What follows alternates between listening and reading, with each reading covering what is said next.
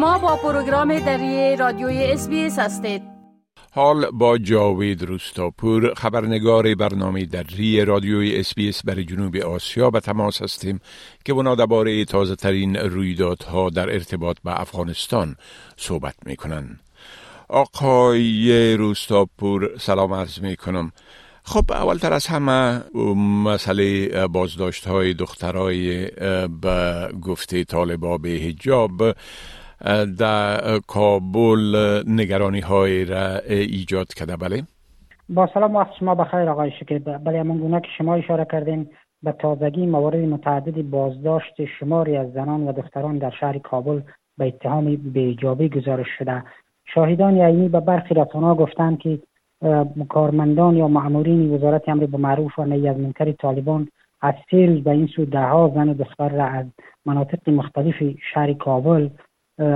به زور بازداشت کردند. باشندگان کابل تاکید کردند دختران را که طالبان به نام بدهجاب بازداشت می‌کنند هیچ نوع پوشش غیر اسلامی ندارند و اینکه شماری از این دختران را به عیس فروشنده در فروشگاه هم بازداشت کردند که قبلا خودشان اجازه داده بودند. این مسئله نگرانی هایی را برانگیخته و این مسئله دیگه این که مشخص نیست که دخترها را کجا می‌برند و در کجا زندانی هستند. اما مولوی عبدالغفار سباون سخنگوی وزارت امر معروف طالبان گفته که زنانی که به اتهام بیجابی و تشویق زنان دیگر به بیجابی شماری از زنان را بازداشت کردند که اینا خودشان بیجاب بودند. و دیگر زنها را هم تشویق می‌کردند به بیجابی او در مورد تعداد زنان و دخترانی که بازداشت شدند جزیات ایرایه نکرده و تاکید کرده که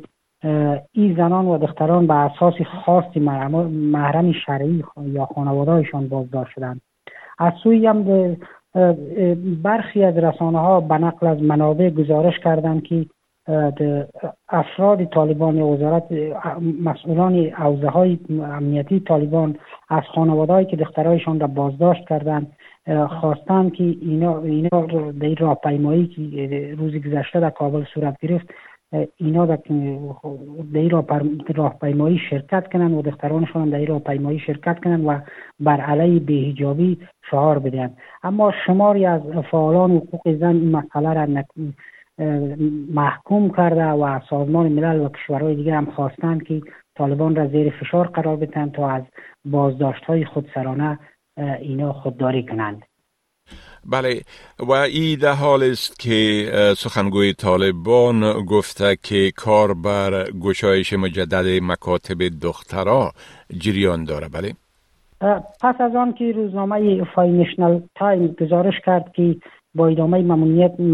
ممنوعیت تحصیل در افغانستان صدها تن از دختران دانش, دانش آموز در این کشور با آموزش های غیر حضوری یعنی آنلاین در امریکا و بریتانیا رو آوردند زبی الله مجاهد سخنگوی طالبان به تلویزیون تلونیوز گفته که تلاش ها برای بازگشایی دروازه های مکاتب و پوانتون ها برای دختران جریان دارد.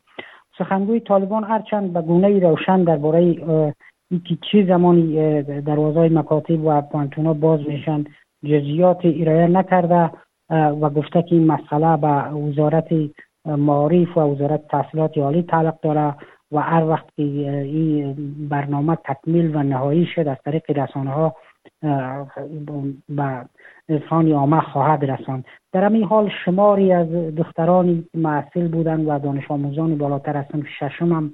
در گفتگو با رسانه های محلی بار دیگر از حکومت طالبان خواستند که دروازه های مکاتب و پوانتونا را برای دختران باز کنند.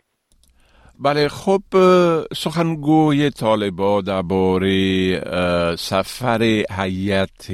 حکومت طالبا به پاکستان و مذاکراتی که اونا در اونجا انجام داده معلومات ارائه کرده اگر لطفا در این باره یک مقدار معلومات بتین. بله زبی الله مجاهد سخنگوی طالبان اظهار داشته که در ششمین نشست کمیته مشترک هماهنگی میان افغانستان و پاکستان حیاتی که به سرپرستی ملاشیرین آخوند والی قندهار و معاون اطلاعات استراتژیک وزارت دفاع شرکت کرده بود اینا با مقامات پاکستانی دیدار و گفتگو کردند آقای مجاهد گفته که در این نشست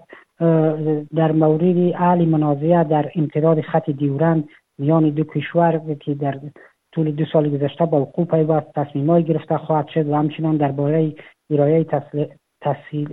تسهیلات برای ساکنان دو طرف مرز نیز گفتگو شده. آقای مجاهد در بخشی از اسخانانش گفت که این نشست ها به صورت نوبتی در کابل و اسلام آباد هم در آینده برگزار خواهد شد. از سوی دیگر وزارت خارجه پاکستان هم درباره دیدار با حیاتی که از طرف طالبا به اسلام آباد رفته بود اعلامیه نشر کرده و تاکید کرده که به ادامه تعامل با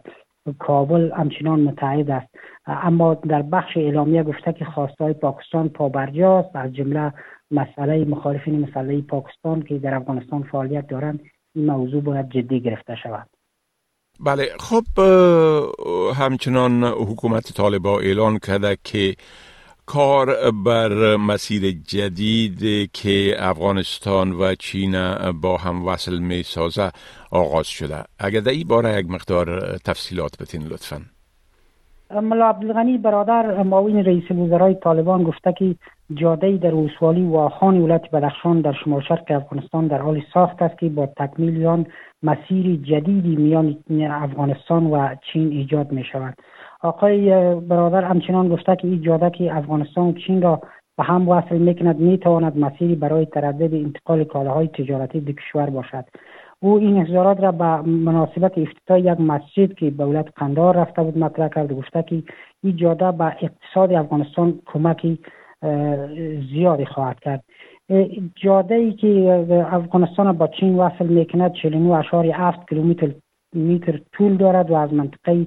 بزهای گنبت خورد در پامیر بدخشان آغاز شده و تا پایان ولسوالی واخان ادامه مییابد. طالبان در دو سال گذشته سعی کردند با جلب توجه کمک کنندگان بینالمللی کار اتمام پروژه های نیمه که در دوره جمهوریت نیمه باقی مانده بود ایره از سر بگیرند. اما با باور آگاهان در وضعیت کنونی تا که طالبان با جهان تعامل نکنند و به رسمیت شناخته نشوند این پروژه ها نتیجه نخواهد داشت. بله خب بسیار تشکر آقای روستاپور از این گزارشتان و فعلا شما را به خدا می سپارم و روز خوش برتان آرزو می کنم. وقت شما هم خوش خدا نگهدارتان. می خواهید این گونه گزارش ها را بیشتر بشنوید؟ با این گزارشات از طریق Apple Podcast، Google Podcast، Spotify و یا هر جایی که پادکاستتان را می گیرید گوش دهید.